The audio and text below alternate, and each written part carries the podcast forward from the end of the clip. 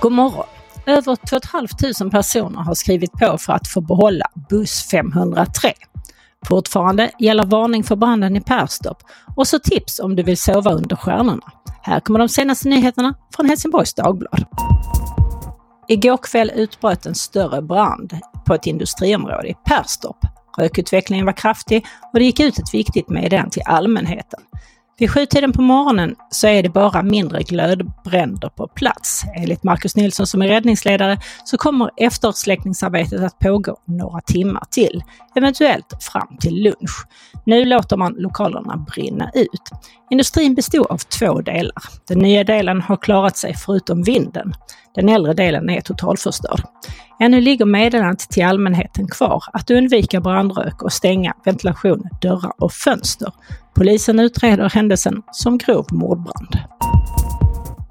Det är stor upprördhet i Förslöv sedan det meddelades att busslinje 503 läggs ner. Ett informationsmöte i förra veckan drog mängder av besökare. Förslövsbon Nina Svensson har nu samlat ihop 2592 namnunderskrifter för att få behålla linjen mellan Förslöv och Ängelholm.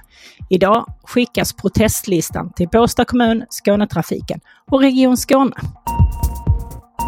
Elbranschen får sitt lägsta betyg på 15 år visar en färsk undersökning från Svenskt kvalitetsindex.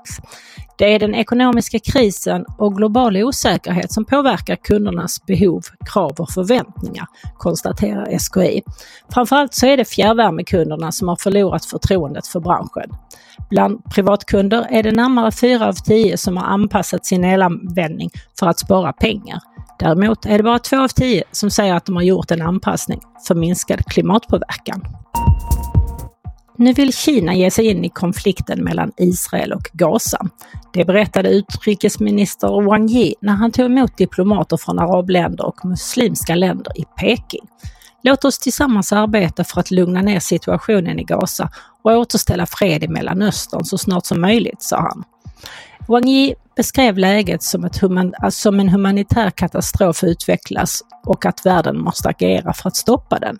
I delegationen som är i Kina så finns företrädare för den palestinska myndigheten på Västbanken, för Jordanien, Saudiarabien och Egypten. Till sist kan vi berätta om Pia Sjöstedt 51 och Erik Sjöstedt 55 i Munka Ljungby som sover utomhus minst en gång i månaden.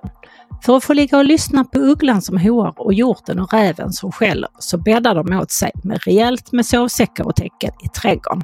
Kalla vinternätter innebär det det svaga frasandet av snöflingor. Blir du inspirerad så berättar de mer i artikeln på hd.se. Vädret. Idag råder det en gul varning för höga flöden i hela Skåne. Men det ser inte ut att komma något mer regn i nordväst just idag. Vi har en gråmulen dag framför oss med temperatur på mellan 3 och 5 grader. Vinden blir måttlig och kommer från nordost. Det var allt från Helsingborgs Dagblad den här morgonen. I studion Yvonne Johansson. Läs mer på hd.se. Vi hörs!